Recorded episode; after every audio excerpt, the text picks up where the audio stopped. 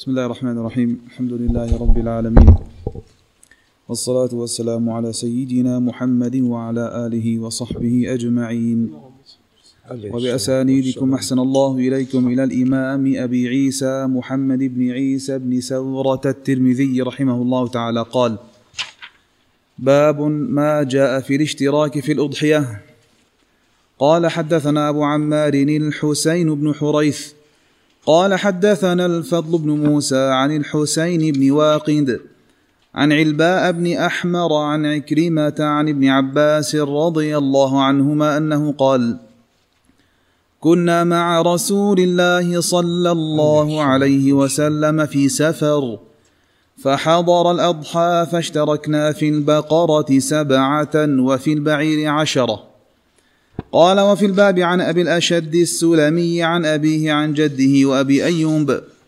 قال حديث ابن عباس حديث حسن غريب لا نعرفه إلا من حديث الفضل بن موسى. قال حدثنا قتيبة قال حدثنا مالك بن أنس عن أبي الزبير عن جابر رضي الله عنه قال نحرنا مع رسول الله صلى الله عليه وسلم بالحديبية البدنة عن سبعة والبقرة عن سبعة. قال هذا حديث حسن صحيح والعمل على هذا عند أهل العلم من أصحاب النبي صلى الله عليه وسلم وغيرهم. وهو قول سفيان الثوري وابن المبارك والشافعي وأحمد وإسحاق.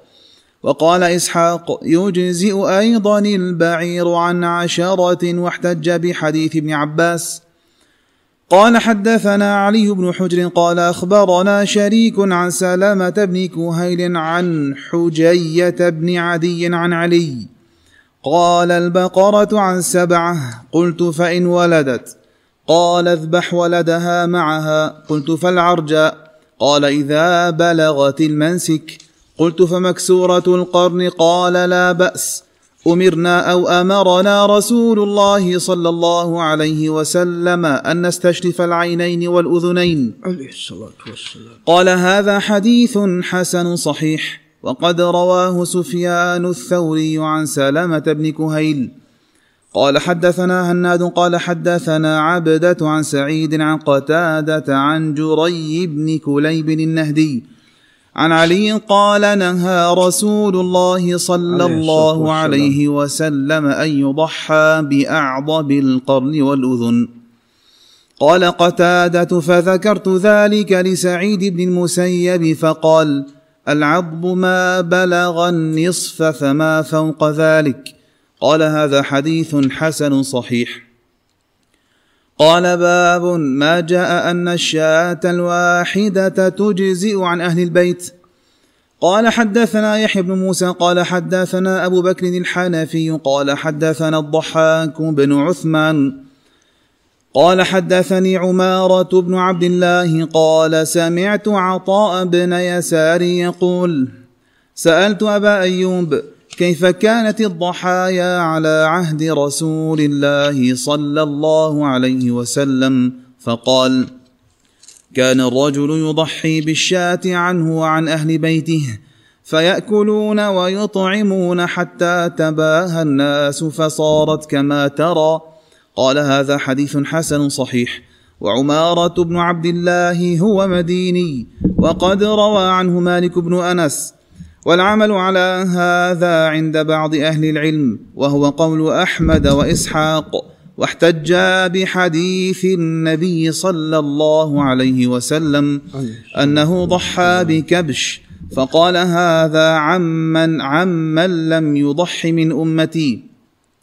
وقال بعض أهل العلم لا تجزئ الشاة إلا عن نفس واحدة وهو قول عبد الله بن المبارك وغيره من أهل العلم. أحسنت. الله بسم الله الرحمن الرحيم. وبه نستعين نحمده عز وجل ونثني عليه الخير كله ونصلي ونسلم على نبينا محمد وعلى آله وأصحابه والتابعين لهم بإحسان إلى يوم الدين. أما بعد فقال الإمام أبو عيسى الترمذي في كتابه الجامع. قال حدثنا عفوا قال أبو عيسى باب ما جاء في الجذع من الضأن. الجذع طبعا هو الفتي الشاب هذا الأصل في الجذع والجذع من الضأن أي خلاف المعز. لأن الغنم كما تعلمون تنقسم إلى قسمين ضأن ومعز. نعم. فأبو عيسى يقول باب ما جاء في الجذع من الضأن في الأضاحي. أي ما حكم التضحية في الجذع من الضأن في الأضاحي؟ وهذه المسألة فيها خلاف بين أهل العلم والصواب أن الجذع يضحى به كما يضحى بالثني. طبعا هذه مسميات جذع أول جذع ثم بعد ثني نعم. ثم يعني أيضا مسنة فهذه مسميات. نعم. ولها أعمار معينة عند الناس. و وإن كان هذه الأعمار قد اختلف فيها كما سوف يأتي بمشيئة الله. لكن ابتداء الجذع الجذع من الظان عليكم السلام. التضحية به مشروعة كما سوف يأتي بإذن الله. قال حدثنا يوسف بن عيسى وهو ابن دينار الزهري أبو يعقوب المروزي وهو ثقة توفي عام تسعة وأربعين ومائتين. قال حدثنا وكيع هو ابن الجراح الرؤاسي الكوفي وهو إمام توفي عام سبعة وتسعين ومائة قال حدثنا عثمان بن واقد وعثمان بن واقد هو بن محمد بن زيد بن عبد الله بن عمر بن الخطاب رضي الله تعالى عنهم. وعثمان بن واقد هذا من طبقة أتباع التابعين. وقد روى عن جمع. هو ليس بالمكثر كما أنه ليس بالمقل. روى عن جمع وعنه جمع. وفيهم بعض المشاهير كوكيع بن الجراح كما هنا وحفص بن غياث وهو من الثقات المشهورين كما هو معلوم. وأيضا أبو معاوية محمد بن خازم السعدي وغيرهم. وأردت بذلك أن أبين أن أبا محمد بن حزم رحمه الله عندما قال مجهول أخطأ. هو ليس بالمجهول قد روى عن جمع وعنه جمع وله أحاديث. نعم وإنما اختلف في ضبطه وإتقانه. وأكثر أهل العلم على تقويته. فيحيى بن معين قد وثقه. وأما الإمام أحمد فقال ما أرى به بأسا. وأما الدار قطني فقال لا بأس به. وذكره ابن شاهين وابن حبان في كتابيهما في الثقات. نعم. وأما أبو داود فضعفه. أبو داود ضعف عثمان بن واقد. كما في سؤالات الآجري له ولما ضعفه؟ ضعفه قال أنه روى عن الرسول صلى الله عليه وسلم أنه قال من جاء من الرجال والنساء إلى الجمعة فليغتسل. من جاء من الرجال والنساء إلى الجمعة فليغتسل. فلفظة النساء منكرة غير محفوظة. وإنما هذا الأمر خاص بالرجال لأنه هو الذي يجب عليهم أو أو هم الذين يجب عليهم حضور الجمعة. بخلاف النساء كما تعلمون فإن الجمعة ليست واجبة عليهم فهو قد استنكر ذلك. نعم. لكن هل يضعف بهذا الحديث كما ذهب إلى ذلك أبو داود في في سؤالات الآجوري الأقرب والله أعلم أنه لا يضاعف بهذا الحديث وإنما ما أخطأ فيه هذا إذا ثبت أن العلة منه. إذا ثبت أن العلة منه. عليكم السلام. فيكون هذا الحديث ضعيف ويحتج به في غير ذلك مما لم يثبت أنه أخطأ فيه. وذلك أن جمعا من أهل العلم قد قواه وتقدم أن يحيى بن معين قد وثقه. نعم. وأصل هذا الحديث وهو الأمر بالاغتسال الأصل أنه صحيح ما عدا هذه اللفظة وهي النساء. نعم. ولعل الأستاذ أبو يحيى يراجع لنا هذا الحديث الآن؟ نعم حتى ننظر هل العلة منه أو لا. والخلاصة في عثمان بن واقد أنه كما قال ابن حجر صدوق ربما وهم. أنا أذهب إلى قول الحافظ بن حجر أنه صدوق ربما وهم. لا لا حنا نسأل من جاء. من جاء إلى الجمعة من الرجال والنساء. فليغتسل. نعم. ولفظة النساء كما تقدم ليست محفوظة. فهل العلة من عثمان بن واقد؟ هذا ظاهر كلام أبي داود. ضعفه من أجل ذلك. أو العلة ليست منه؟ نعم. قال عن كدام ابن عبد الرحمن وهو السلمي. كدام بن عبد الرحمن هو السلمي وهو مجهول. لا يعرف. عن ابي كباش وهو السلمي أو العبسي وهو أيضا مجهول. لا يعرف. نعم. وقيل أن أبا كباش هو أبو عياش. نعم. الخلاصة أنه مجهول ولعله لا يعرف إلا بهذا الحديث. قال جلبت غنما جذعانا إلى المدينة. قال فكسدت علي. قال فلقيت أبا هريرة فسألته فقال سمعت رسول الله صلى الله عليه وسلم يقول نعم أو نعمت الأضحية الجذع من الضأن. قال فانتهبه الناس يعني بادروا إلى ماذا؟ إلى الشراء. قال أبو عيسى وفي الباب عن ابن عباس وأم بلال بنت هلال. وحديث أم بلال بنت هلال عن أبيها خرجه ابن ماجه ولا يصح. وحديث جابر صحيح. وحديث عقبة بن عامر إسناده حسن قوي. قال ورجل من أصحاب النبي صلى الله عليه وسلم.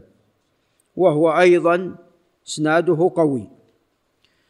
قال أبو عيسى وحديث أبي هريرة حديث غريب. غريب لأن إسناده غريب. نعم. نعم. طبعا أكثر المصادر فيها غريب.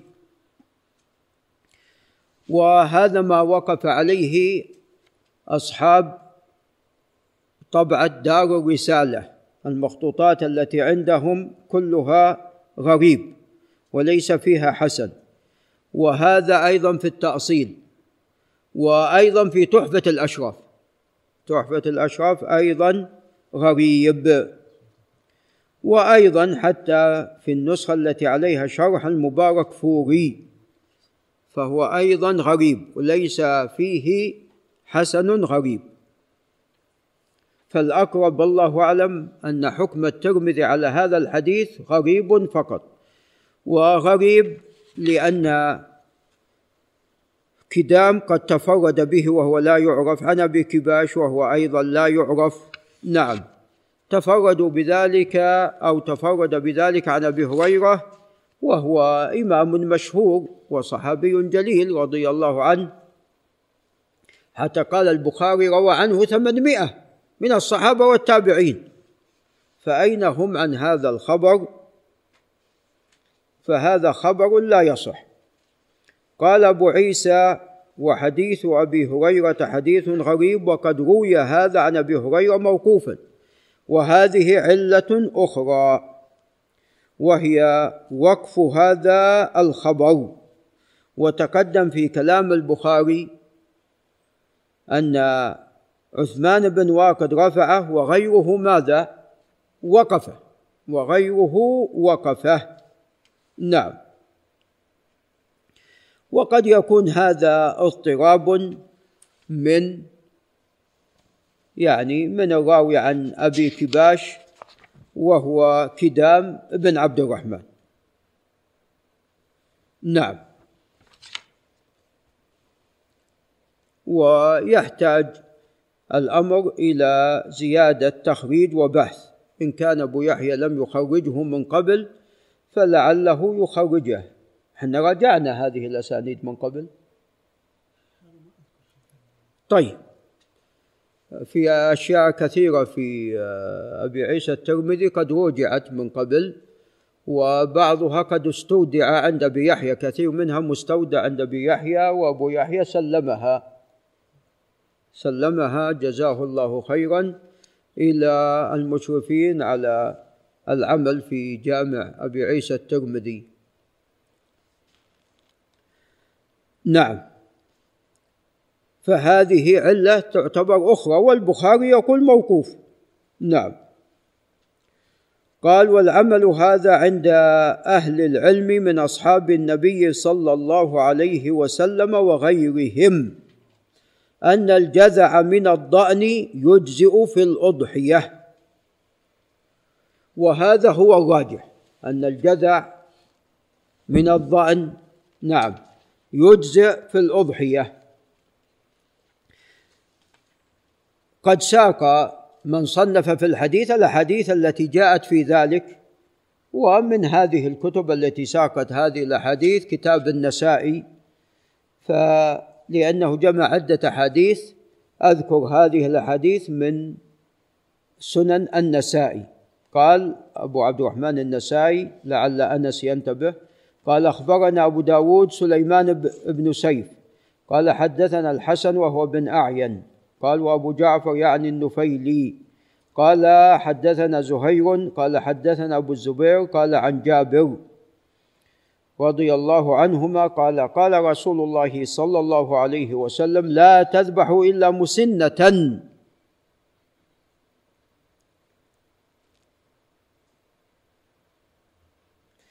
قال الأزهري البقرة والشاة يقع عليهما اسم المسن إذا أثنيا وتثنيان في السنة الثالثة.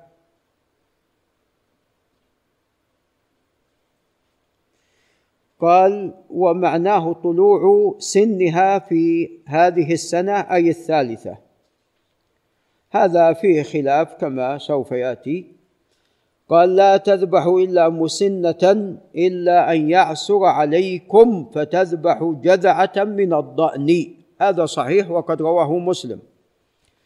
هذا الحديث أيضا يعني يفيد أن التضحية بالجذع لا يضحى حتى ماذا؟ حتى يعسر بحيث لا يوجد أو يصعب أن توجد مسنة. قال إلا أن يعسر عليكم فتذبحوا جذعه من الضال. لكن نأتي إلى حديث عقبة وغيره.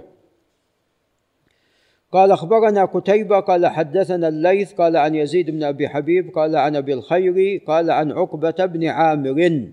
رضي الله عنه أن الرسول صلى الله عليه وسلم أعطاه غنما يقسمها على صحابته أو يقسمها على صحابته. قال فبقي عتود فذكره لرسول الله صلى الله عليه وسلم فقال ضحي بها أنت.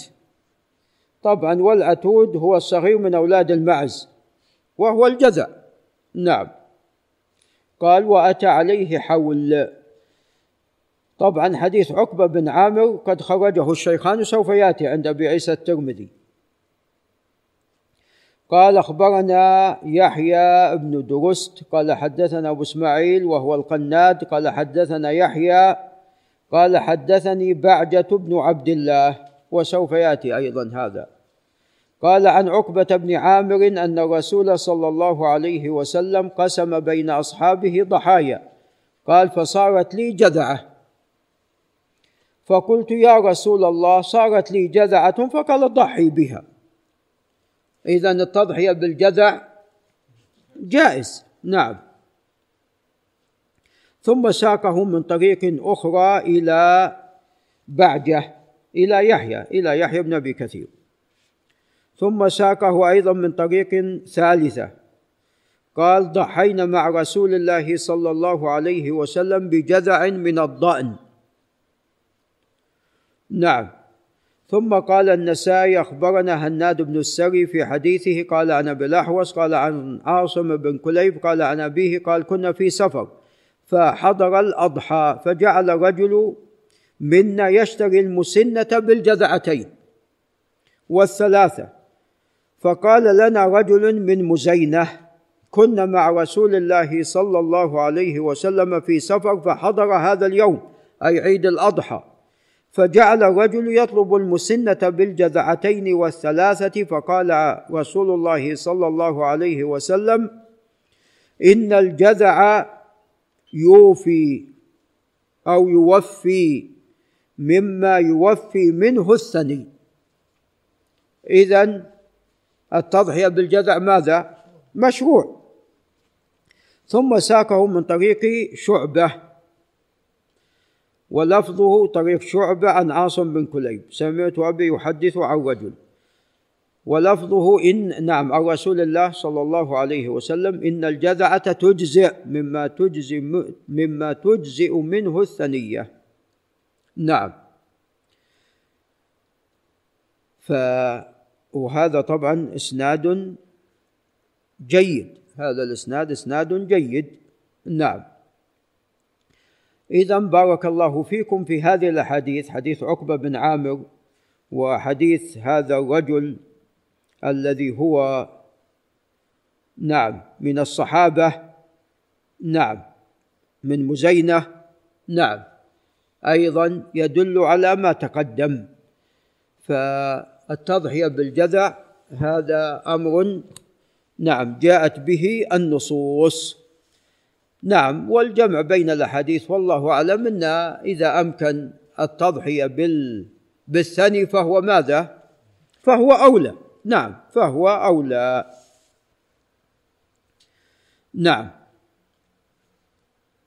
نأتي إلى السن التي تجوز فيها التضحية والجذع حتى يكون جذعا كم سنه. فأقل ما قيل ستة أشهر. أقل ما قيل ستة أشهر. هذا من الضأن. هذا من الضأن. نعم. وقيل ثمانية أشهر. وقيل عشرة أشهر. نعم. قال ابن الأعرابي كأن في قوله جمع بين هذه الأقوال قال إذا كان الذكر والأنثى شابين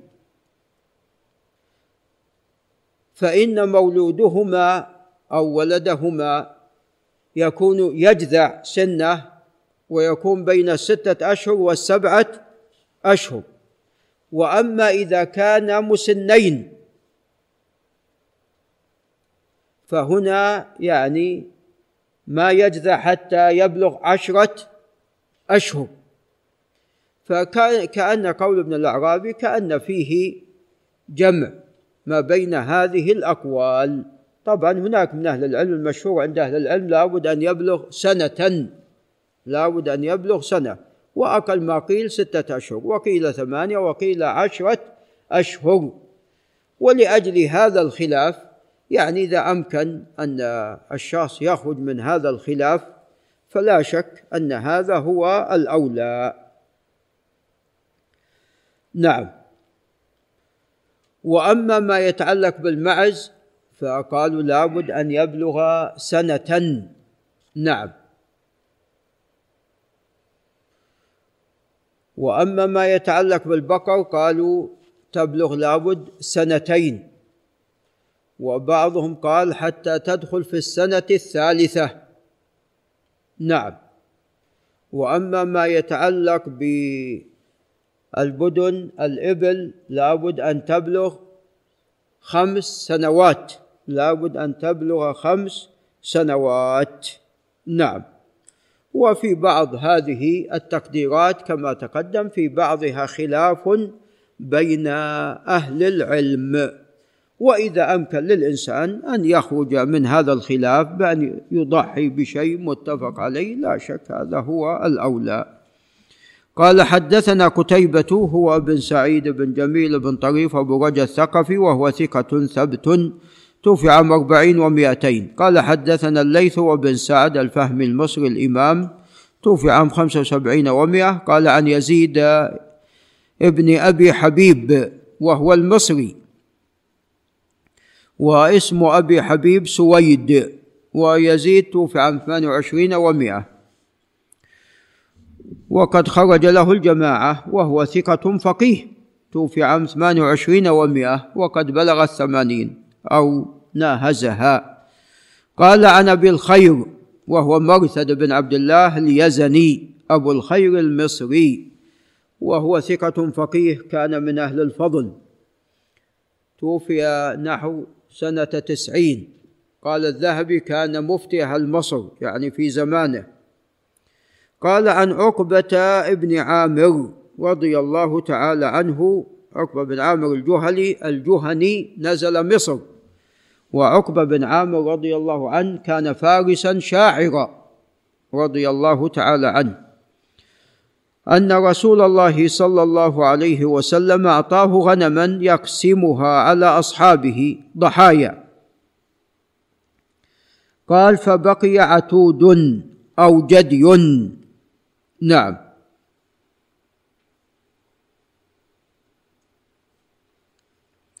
فذكرت ذلك لرسول الله صلى الله عليه وسلم. قال ضحي به أنت وتقدم أنه في رواية قال جذعة والعتود والجدي هنا المقصود بها الجذعة.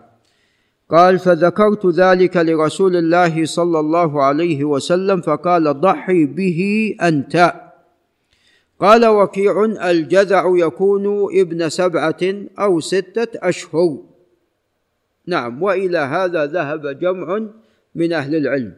وبعض أهل العلم قال لا حتى يبلغ سنة وبعض أهل العلم قال ثمانية, ثمانية أشهر وبعضهم قال عشرة كما تقدم. وتقدم في كلام ابن الأعرابي فيه جمع بين هذه الأقوال أو بعض هذه الأقوال.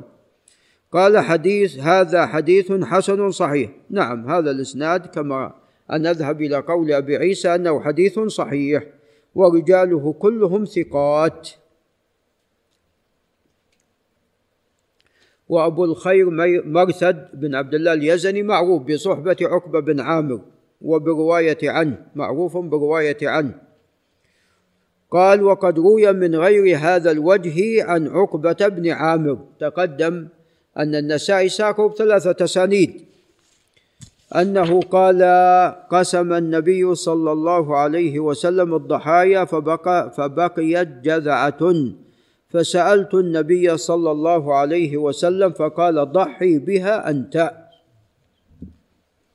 قال حدثنا بذلك محمد بن بشار وهو العبدي الحافظ توفي عام 250 و200 قال حدثنا يزيد بن هارون وهو السلمي الواسطي وهو أيضا ثقة حافظ وعالم نبيل. توفي عام ستة ومائتين قال وأبو داود وهو سليمان بن داود ابن الجارود. أبو داود الطيالسي. وتوفي عام أربعة ومائتين وهو ثقة حافظ.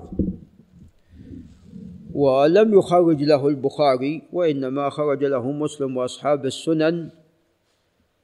نعم لم يخرج به لم يخرج له البخاري.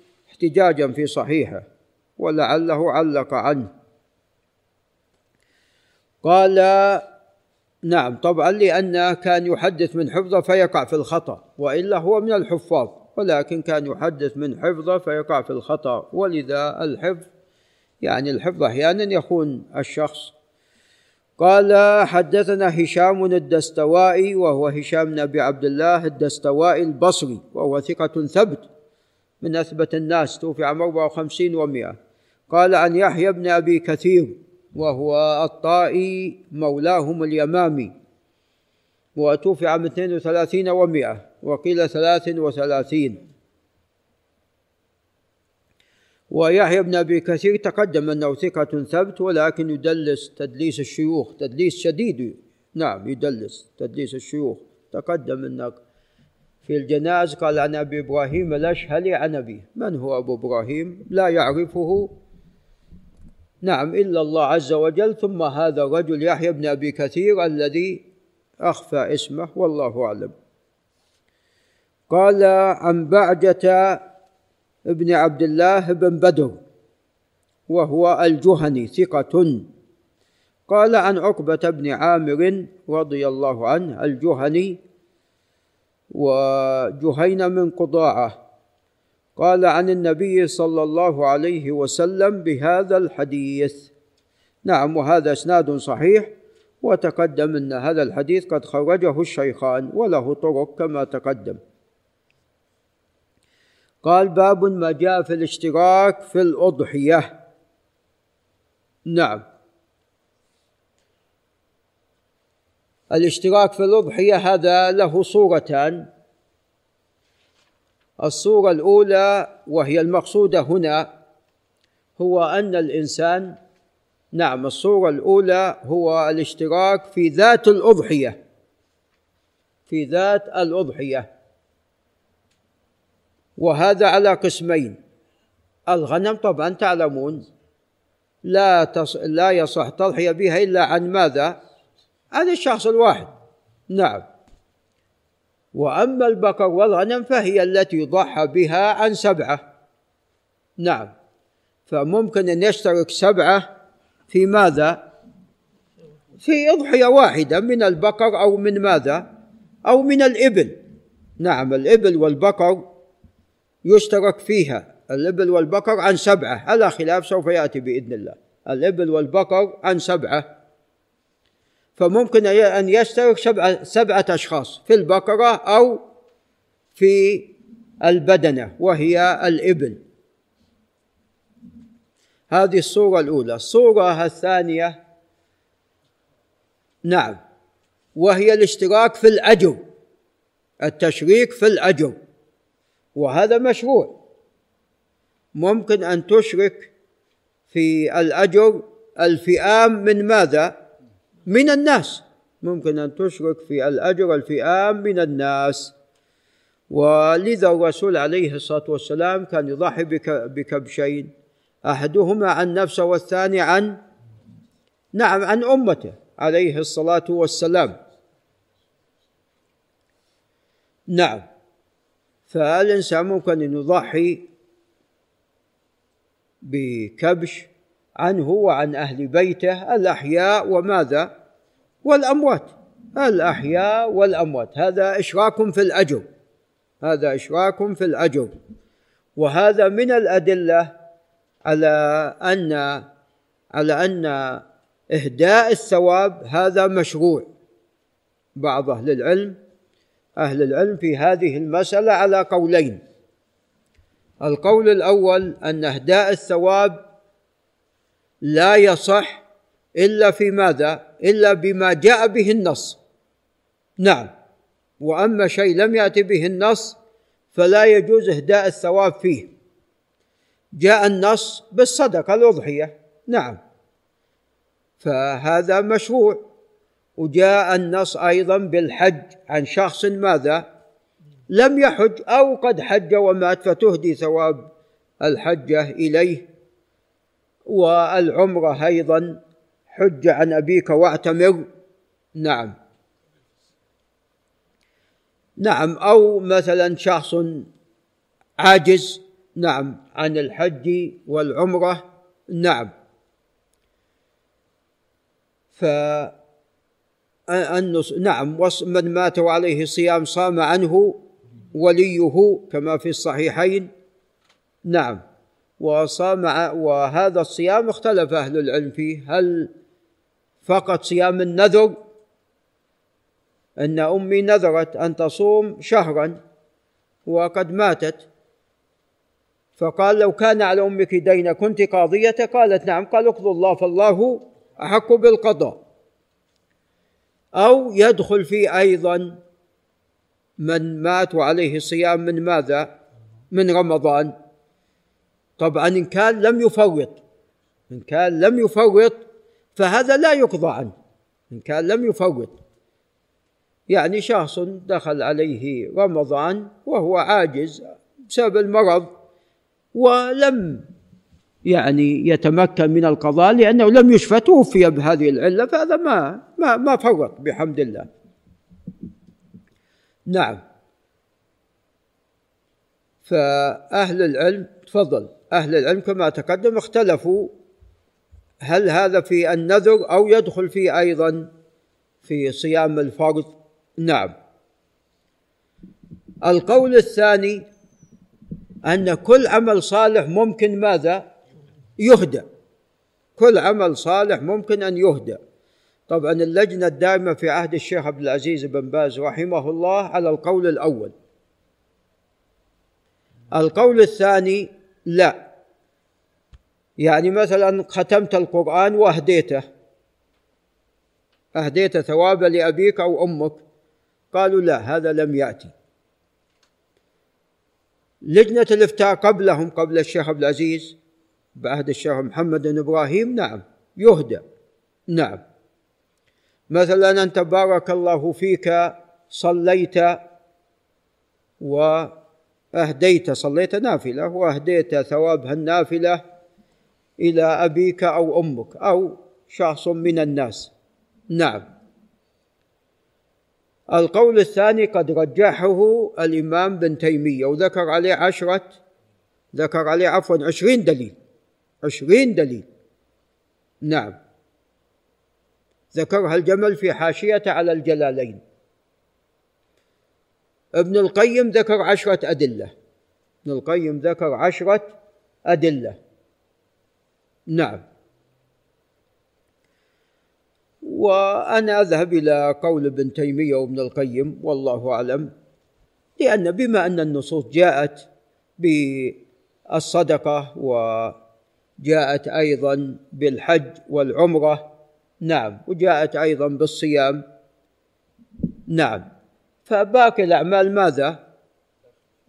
مثلها. باقي الأعمال مثلها. نعم باقي الأعمال والله أعلم مثلها.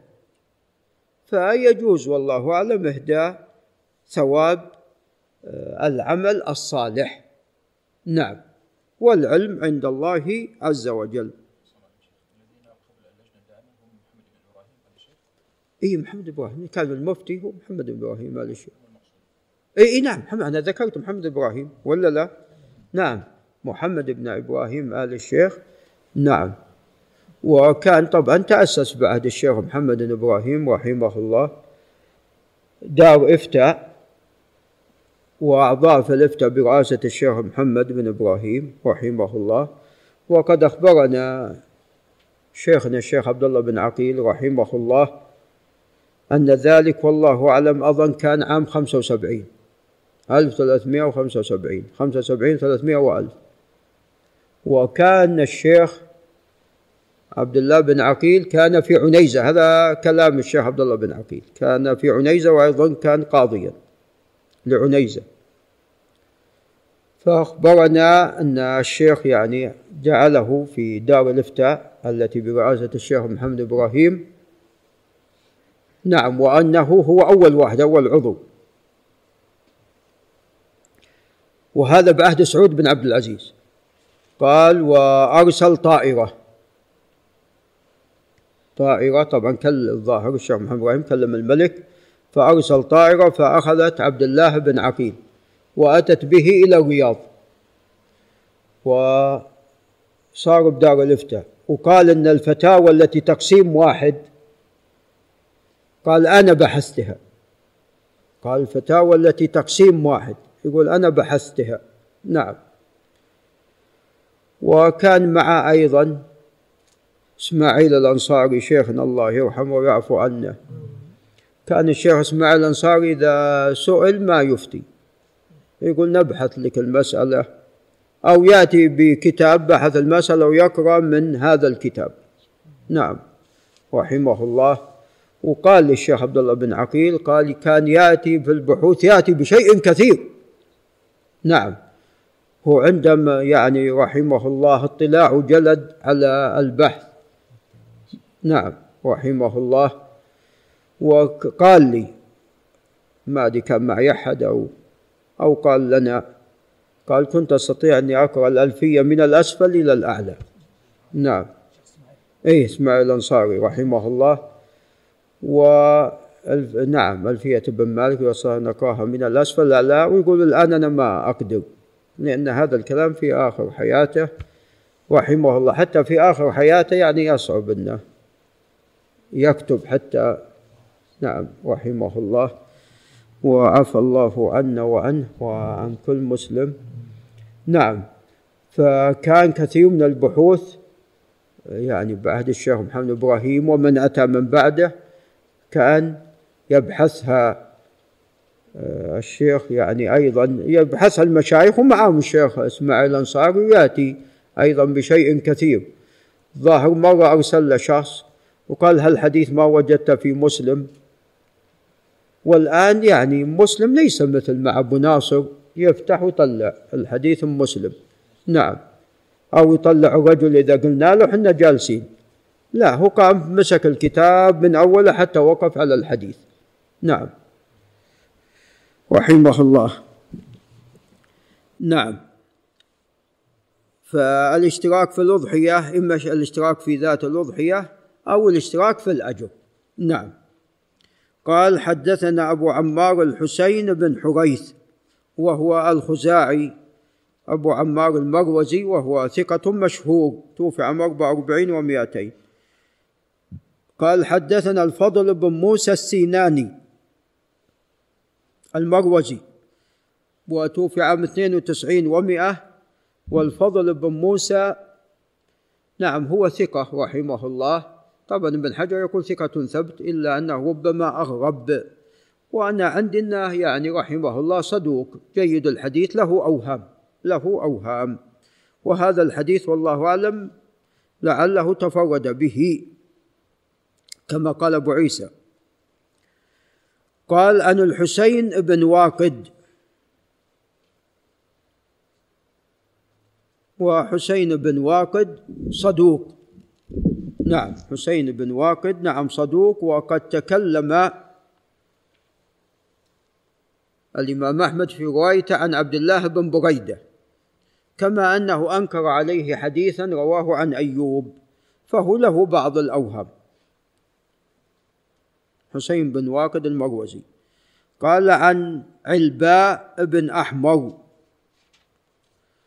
علباء بن أحمر هو اليشكري البصري وهو صدوق خرج له مسلم. والله يتأكد من ذلك. علباء ليس هناك علباء سواه إلا علباء بن أبي علباء وقيل هو هو. نعم. قال عن عكرمة هو مولى بن عباس أبو عبد الله البربري وهو ثقة عالم. قال عن ابن عباس رضي الله عنهما قال كنا مع رسول الله صلى الله عليه وسلم في سفر فحضر الأضحى. فكون الإنسان مسافر بما أن الشيخ حسن معنا لا يمنع أن يضحي. يعني لا يشترط أن الإنسان لا يضحي حتى يكون في ماذا؟ في بلده. ممكن أنت تضحي مثلا في أندونيسيا. ممكن أن تضحي حيثما حل عليك السفر. نعم. فلذا هنا قال كنا مع رسول الله صلى الله عليه وسلم في سفر فحضر الأضحى فاشتركنا في البقرة سبعة وفي البعير عشرة. نعم. اختلف أهل العلم في العشرة وإلا السبعة هذا محل خلاف عفوا محل اتفاق بين أهل العلم. السبعة ما في خلاف ولكن الخلاف في العشرة بالنسبة للبعير. فبعض أهل العلم أو عفوا جمهور أهل العلم يقولون البعير عن سبعة كما جاء في حديث جابر وغيره. هذا قول جمهور أهل العلم. هذا القول الأول. القول الثاني إن البقره عن سبعة والبعير عن عشرة وهذا اختار إسحاق بن راهوية وأبو بكر بن خزيمة. القول الثالث والله أعلم هو التفصيل والتفريق. عليكم السلام. ما بين الهدي وما بين الأضاحي. فبالنسبة للأضاحي تكون البدنة أي الإبل تكون عن عشرة في الأضاحي. نعم. بخلاف الهدي فإنها لا تكون إلا عن سبعة. فإنها لا تكون إلا عن سبعة. وهذا ما رجحه الشوكاني. هذا ما رجحه الشوكاني. جمعا بين هذه الأحاديث. نعم بالنسبة للبقرة أيضا هناك أيضا بعض الخلاف بين أهل العلم أو نعم في حجة الوداع كان عليه الصلاة والسلام مع نسائه وكنا تسع تسع نسوة. فضحى عن نسائه بماذا؟ بالبقر جاء في رواية في مسلم ببقرة ضحى عن نسائه ببقرة. فهذا يفيد أن يعني أنهن ماذا؟ يعني انه يفيد أن البقرة ممكن أن تجزى عن ماذا؟ عن أكثر من سبعة. عن أكثر من سبعة. نعم وفي حديث رافع مما يستدل به حديث رافع بن خديج في الصحيحين. أن الرسول عليه الصلاة والسلام قسم فعدل عشرة من الغنم ببعير. عشرة من الغنم عدلها بماذا؟ ببعير واحد. نعم. وجمهور أهل العلم على أن الإبل أو البعير لا يجزى إلا عن سبعة. نعم. يعني الجمهور يرون أنه لا يجزى عن سبعة وتقدم أن هناك من يرى أنه أكثر وهناك من فصل. نعم. قال أبو عيسى وفي الباب عن أبي الأشدي السلمي عن أبيه عن جده هذا أخرجه أحمد ولا يصح. قال وأبي أيوب الأنصاري وهذا سوف يأتي وهو صحيح. قال حديث ابن عباس حديث حسن غريب لا نعرفه إلا من حديث الفضل بن موسى.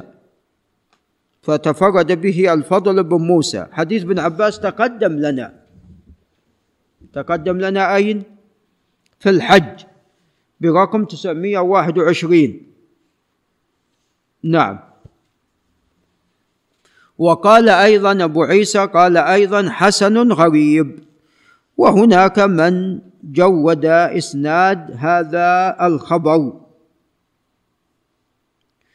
وأنا أذهب إلى ما ذهب إليه أبي عيسى وأن تصحيحه في النفس منه شيء. نعم. قال حدثنا قتيبة هو بن سعيد الثقفي تقدم ثقة ثبت. قال حدثنا مالك بن أنس بن أبي عامر الأصبحي الإمام توفي عام 79 و100 قال عن ابي الزبير محمد بن مسلم بن تدرس أبو الزبير المكي وهو على القول الراجح حافظ. وقال علي بن المديني ثقة. نعم أحسنت. نعم. قال عن جابر رضي الله تعالى عنهما قال نحرنا مع رسول الله صلى الله عليه وسلم بالحديبية البدنة عن سبعة والبقرة عن سبعة. نعم. وهذا إسناد صحيح. قال ابو عيسى هذا حديث حسن صحيح. نعم وهو حديث ثابت في الصحيح قد خرجه مسلم. قال والعمل على هذا عند أهل العلم من أصحاب النبي صلى الله عليه وسلم وغيرهم وهو قول سفيان الثوري وابن المبارك والشافعي وأحمد وإسحاق وقال إسحاق يجزى أيضا البعير عن عشرة واحتج بحديث ابن عباس. اذا إسحاق يقوي ماذا؟ يقوي نعم حديث ابن عباس. يقوي حديث ابن عباس. نعم ولعل نقف عند هنا ونكمل بمشيئة الله فيما بعد. هذا وبالله تعالى التوفيق.